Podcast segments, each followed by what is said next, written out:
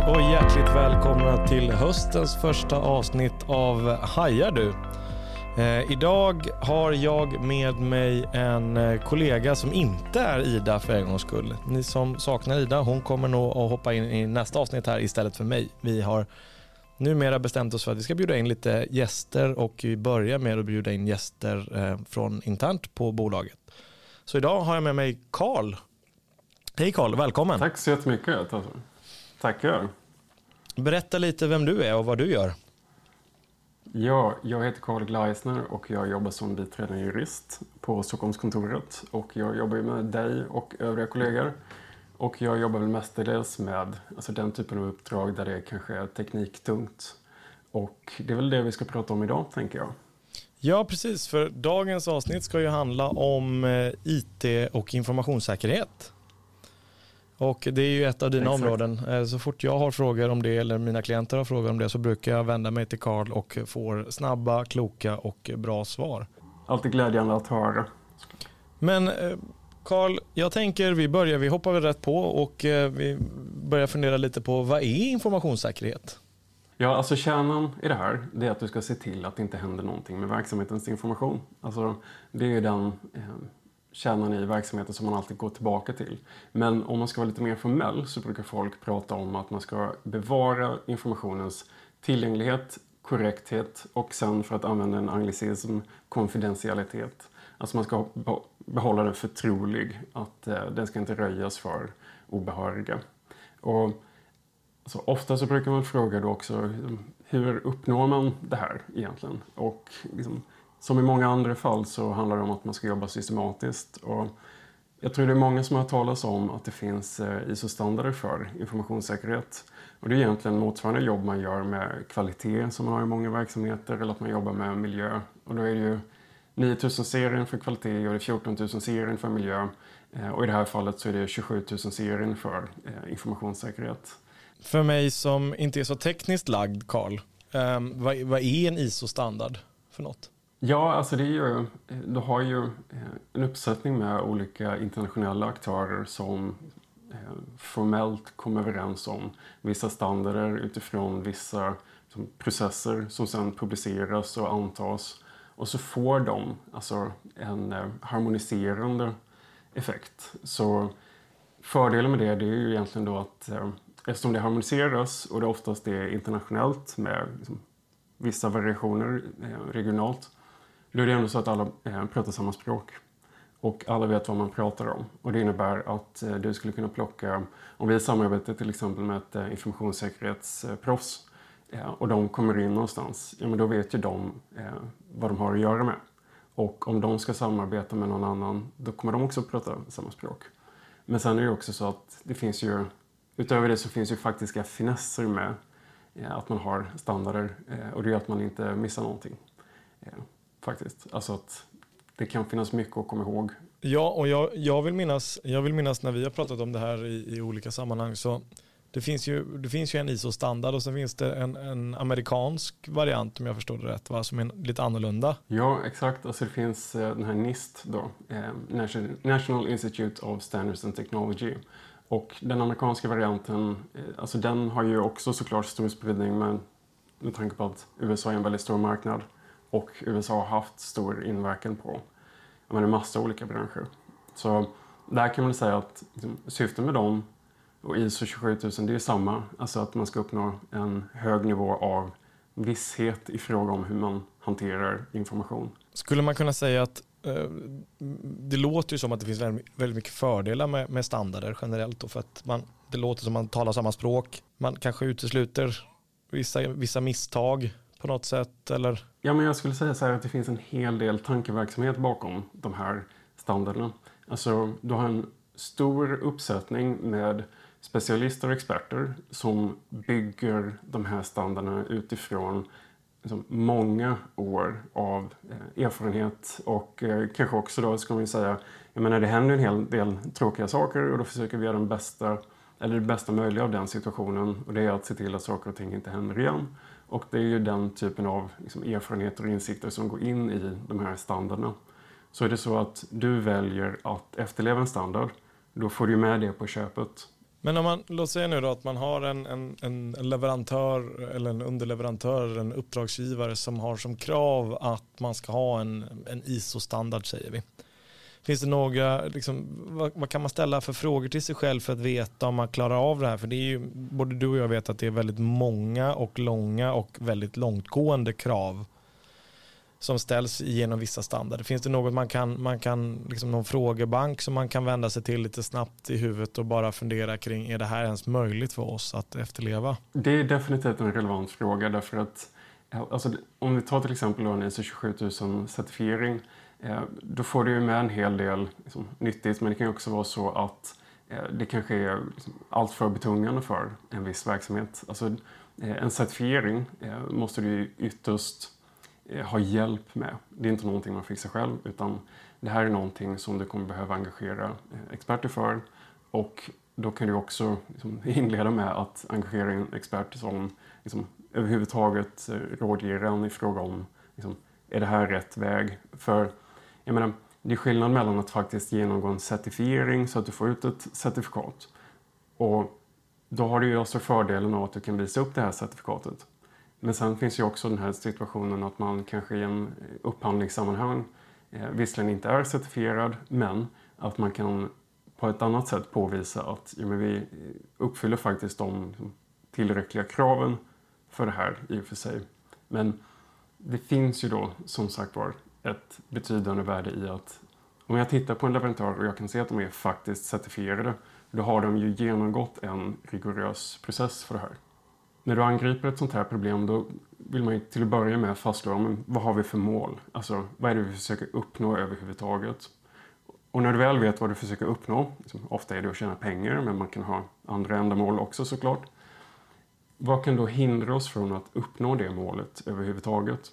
Alltså då vet du vad du har för hot eller risker mot eh, din måluppfyllnad. Sen då, när du väl vet vad som kan hota din måluppfyllnad, då frågar du vad är viktigast? Och när du väl vet vad som är viktigast, då kan du ju prioritera de här. Och har du väl kommit så långt, då frågar jag dig vad kan vi göra för att minska den här ovissheten? Så att vi kan liksom, uppnå våra mål på bästa möjliga sätt. Och sen måste man såklart fråga sig, liksom, fungerar det vi gör överhuvudtaget? Och som alltid, är någonting som har förändrats. Och det är det som... Alltså det brukar uttryckas som att man ska jobba med kontinuerligt och liksom återkommande och systematiskt och så vidare. Man, när man pratar informationssäkerhet och nu som du nämner också, man, man tittar på olika risker och man gör värderingar och då börjar många av er lyssnare säkert tänka på vad har det här med eh, en advokatbyrå och juridiken att göra? Mm. Um, och man kan brukar väl säga att uh, vårt jobb framför allt är att leta, alltså hitta risker eller potentiella risker i, i, olika sammanhang, både i avtal och i verksamheter och, och försöka eh, reglera det så att det inte blir en risk eller minimera risken så mycket det går. Och, och i, i det här fallet då Carl, vad finns det för, finns det någonting, eller jag, jag säger, vi skalar mm. av det så här, vad kommer juridiken in i det här? Ja, för det, är en väldigt... det är en jättebra fråga. Alltså om man skulle säga så så kan man väl alltid säga att eh, jag... Oftast är det så att juridiken kommer in när det har hänt något tråkigt. Och det är väl ett väldigt generellt uttalande som är alldeles för sant, eh, rent praktiskt. Men man kan väl säga så här att du du har en väldigt bra poäng i det här med att alltså vi jobbar ju med risker också. På, jag ser det, vi jobbar ju inte med att hjälpa företag med att liksom, hantera sin liksom, faktiska informationssäkerhet. Alltså, vi har ju goda kontakter i branschen med liksom, särskilda experter och specialister inom det området. Men man hamnar i den situationen att man måste samarbeta med dem för att uppnå vissa mål. Och I det läget så ser vi hur vi är besläktade med de här aktörerna. Därför att vi gör ungefär samma sak. Alltså, vare sig säkerhet eller juridik har ju något slags självändamål. Utan både juridik och informationssäkerhet och annan säkerhet. Ja, men det är ju för att vi ska uppnå vissa mål. Och sen är det här ett sätt att hantera risker. Jag menar, vi har ju till exempel tillfällen där vi eh, hjälper klienter att identifiera en juridisk risk och sen hjälper dem att hantera den. Och sen så hamnar de i en situation där de är, har större möjlighet eller sannolikhet att uppnå sina faktiska mål, vilket då brukar vara att tjäna pengar. Men det kan ju vara... Alltså det finns många olika typer av verksamheter. Men för att så, verkligen besvara din fråga då, så kan man säga att liksom, informationssäkerheten och juridiken, juridiken kommer ju oftast in därför att man har liksom, någon slags avtalsförhållande. Men de flesta tänker nog på juridiken i det här eh, som att det är eh, liksom de offentliga reglerna som styr olika typer av verksamheter eller aktörer. Och då innebär det att om du, om du är en viss typ av verksamhet eller du utför en viss typ av verksamhet eller tillhandahåller någonting, då kommer du omfattas av vissa regler. Och då är det en uppsättning med liksom, traditionellt regelarbete som måste hanteras. Men då gäller det också att om du ska jobba i det här gränslandet mellan både liksom, juridik och teknik och ofta organisation. Alltså, stor del av vårt jobb, det håller du väl med om då, alltså att det handlar mycket om att man ska liksom, hantera det mänskliga. Jo, men självklart. Det är ju det. det är jag skulle säga att det är den största delen av vårt jobb. Men vi har ju sett, vi har ju sett rätt mycket eh, vad ska jag säga, internationella lagstiftningar som har kommit på området på senare tid också där man har börjat försöka reglera den så kallade IT-världen lite. Vi har ju personuppgifter kom ju för några år sedan en väldigt stor omställning för, för många företag. Du har börjat, det har börjat ramla in både det ena och det andra. Eh, förordningen här nu efter vad gäller IT-säkerhet. Vi har eh, senast här på agendan är väl eh, DORA va? Ja, och vi ser inte bara det att det kommer nya eh, regleringar utan det är också så att de regleringarna som kommer, eh, det kan vara uppdateringar av gamla regleringar Plus att man har beaktat eh, de senaste utvecklingarna såklart med viss fördröjning. Och det är väl klassiskt att eh, liksom, regelverken är oftast reaktiva på det sättet att de är anpassade för en verklighet som redan har varit ofta. Inte för att klanka ner för mycket på liksom, lagstiftaren men det är en tuff utmaning att försöka fånga någonting som liksom, IT-utvecklingen i lag. Men det, det känns ju som att lagstiftaren oftast ligger några år efter. Eh, min, min magkänsla är det. Att det hinner mm. komma en, en teknik eller en, en cyberattack eller någonting och sen så kommer det effekter av det som svallvågor lite efter. Sen kommer lagstiftningen i fatt. Oj, oj, oj, det här var inte speciellt bra. Det här måste vi kanske styra upp så att, inte, så att alla inte, så att inte Coops kassasystem ligger nere igen i en vecka. Nej men skämt åsido, men det, nu ska vi inte hänga ut Coop här, men det finns fler som har råkat ut för, för, för, för, för attacker. Eh, men, nej, men det blir ju lite, man behöver ju skapa åtgärder då för att skydda, skydda företagen, skydda samhället och, och det är väl lite det som jag kan känna ibland att lagstiftningen hänger inte riktigt med och jag tror att många, eh, inte bara inom det här området, håller med om det. Att lagstiftningen antingen ligger lite, lite efter. Exakt. Och så, det är nog ganska vanlig liksom, eh, synpunkt som många har. Och jag menar inte att folk är relianta men jag vill bara belysa det här då med att det är en tuff uppgift för en lagstiftare att hantera det här överhuvudtaget. Och sen finns det en annan aspekt och det är att ja, men ofta så är det ju så att man kan göra mycket med liksom, gamla regler. Nu är det väldigt generellt uttalande därför att på sätt och vis så är det speciellt när det gäller informationssäkerhet. Men alltså en sak som jag ofta tänker på det är egentligen liksom, hur förhåller sig då regelefterlevnad. Nu har vi inte pratat så mycket om regelefterlevnaden, som de faktiska bestämmelserna. Men hur förhåller sig liksom, offentliga regler till faktisk eller reell informationssäkerhet? Alltså, om vi skulle tänka så att du har en uppsättning med aktörer som ska uppnå vissa mål. Det kan vara så att det, var det är ett vinstdrivande företag eller det är något slags offentligt organ som ska tillgodose något visst syfte. Eller kanske en stiftelse med ett visst stiftelseändamål som de då ska liksom, eh, arbeta för eller uppnå det målet. Ja, men det är ju som vi pratade om inledningsvis. Alltså det här handlar ju om att hantera olika slags ovisshetsmoment som inverkar på din måluppfyllnad. Och är det så att man bedriver en verksamhet om man vill uppnå de målen, ja men då skulle man kunna säga att det behövs ingen reglering alls, alltså offentligt, utan det ska hända liksom, i alla fall.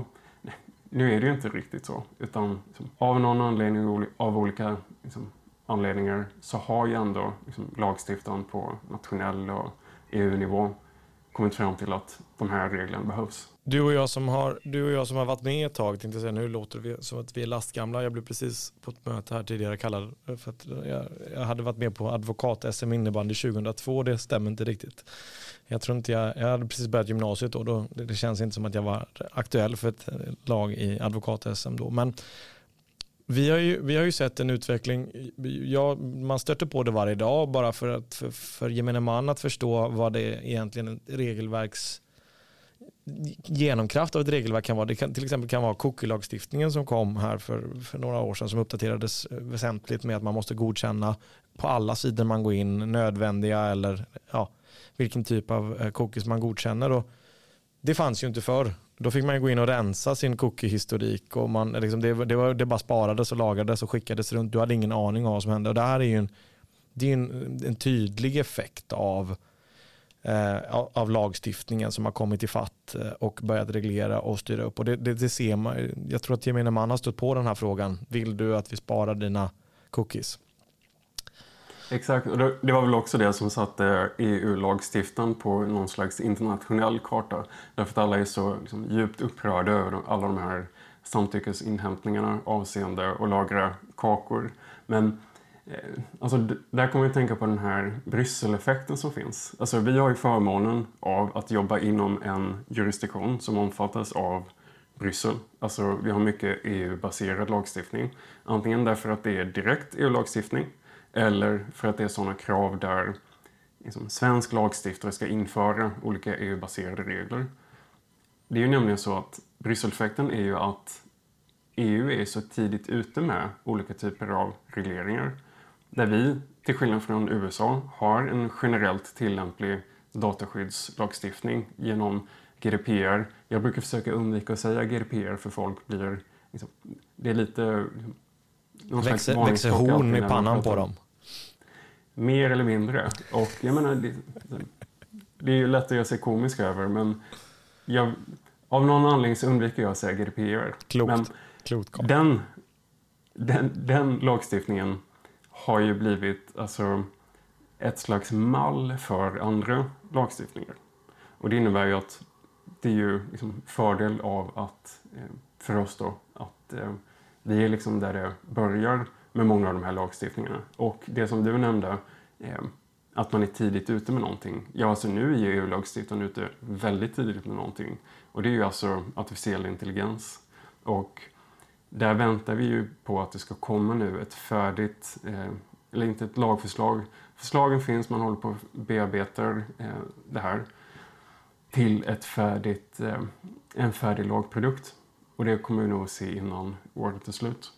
Och det kan vi väl säga till våra kära lyssnare att det är ju ett ämne för podden framöver. För vi har fått lite frågor kring eh, vad som gäller kring AI. Eh, så mm. vi tänker att det, det, kommer ett avsnitt för er som har frågat efter det om just AI eh, och juridiken kring AI, vad som gäller. Och det, men vi vill vänta in den lagstiftningen som Karl pratar om här för att det, jag tror att det kan vara, eh, underlätta, det vi, underlätta basen för samtalsämnet. Det finns en poäng att se den slutgiltiga texten. Ja. Verkligen.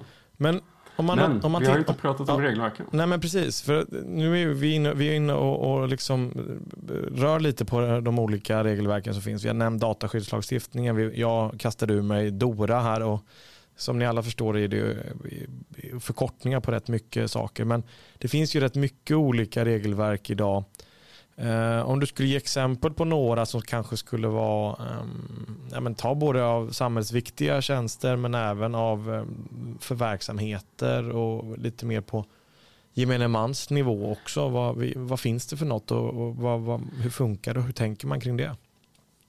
Ja, alltså det finns en hel del och eh, jag har ju lovat att ge någon slags bild av ehm, hur läget ligger. Och då kan man säga att alltså, den vanligaste regleringen som olika verksamheter omfattas av det är ju dataskyddsförordningen. Och det är på det eh, sättet att i princip alla hanterar personuppgifter. Och det, det är ont om undantag till eh, dataskyddsförordningen. Och det är väl egentligen, eh, alltså man kan ju prata om det eh, liksom, temporalt och geografiskt eh, men framförallt så är det ju det som är eh, för ändamål som är uteslutande, som inte har med eh, hushållet att göra. Och då har du ju nästan allt i princip. Och jag menar, där är ju skyddsföremålet liksom vår personliga integritet och det är ju våra personuppgifter som ska behandlas på ett visst sätt. Och, eh, dataskyddsförordningen är intressant på det sättet att den har inte så mycket att säga om liksom, informationssäkerhet eller den tekniska delen, IT-säkerhet, utan det är mer att liksom, behandlingen ska vara säker och du ska ha säkerhet inbyggt som standard och sådana saker. Eh, det är mer som att dataskyddsförordningen vilar på att du har god informationssäkerhet. Så i korthet så kan man säga att det skulle handla om att du, du ska följa state of the art när det gäller informationssäkerhet. Och det har ju prövats i vissa sammanhang. Men eh, du nämnde ju det här med samhällsviktiga tjänster. Alltså det finns ju någonting som heter NIS-lagen och då är det ju nätverks och informationssäkerhet. Eh, eller informationssystem vi pratar om och då är det ju samhällsviktiga tjänster och så kallade digitala tjänster. Där har vi ett exempel på en EU-lagstiftning som kommer som ett direktiv och sen är det någonting som riksdagen har behövt rösta igenom. Och poängen med eh, samhällsviktiga tjänster, ja alltså det är ju för att vi behöver dem. Och att liksom, vi vill skydda dem så att vi har tillgång till de, de här sakerna vi behöver för att hålla igång samhället. Det kan vara transport, bankverksamhet och så vidare. Men det som är intressant med just NIS-lagen är att eh, det har kommit ett nytt NIS 2-direktiv och där har det skett den här utvecklingen som vi hänvisade till tidigare. Alltså den nya eh, NIS-lagen som vi förväntar oss när den väl har införts. Alltså då kommer vi se fler aktörer som omfattas. Man har också bestämt sig på EU-nivå för att kriterierna för om en verksamhet ska omfattas eller inte har blivit tydligare. Därför att i dagsläget så är det variationer mellan de olika medlemsstaterna i fråga om vilka som omfattas och inte. Och det kommer att vara hårdare kriterier, eh, du har eh, liksom lagen har fått tänder, skulle man kunna uttrycka det som, sanktionsmässigt. Så eh, där kommer man behöva liksom, i många fall eh, överväga om det är så att man omfattas. Och eh, det, det, är inte, det är inte helt lätt alltid att bedöma om det är så att man passar in i någon av de här kategorierna. Eh, är det någon viss del av verksamheten som gör det och så vidare. Och eh, ja, man kan säga så att det här är en sån sak som vi som samhälle förväntar oss att de här aktörerna verkligen ska sköta.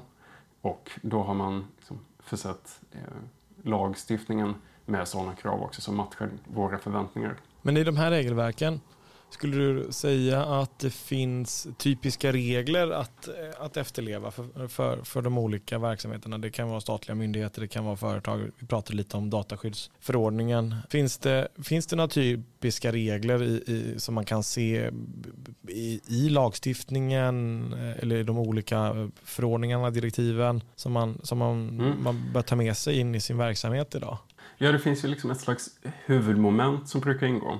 Och då har du ju liksom det som är det mest typiska som man kanske liksom närmast kan tänka sig. Det är att man ska vidta vissa åtgärder för att höja eh, informationssäkerheten. Du måste börja med någon slags inventering. Vad är det vi ska skydda? Vilka intressenter har vi?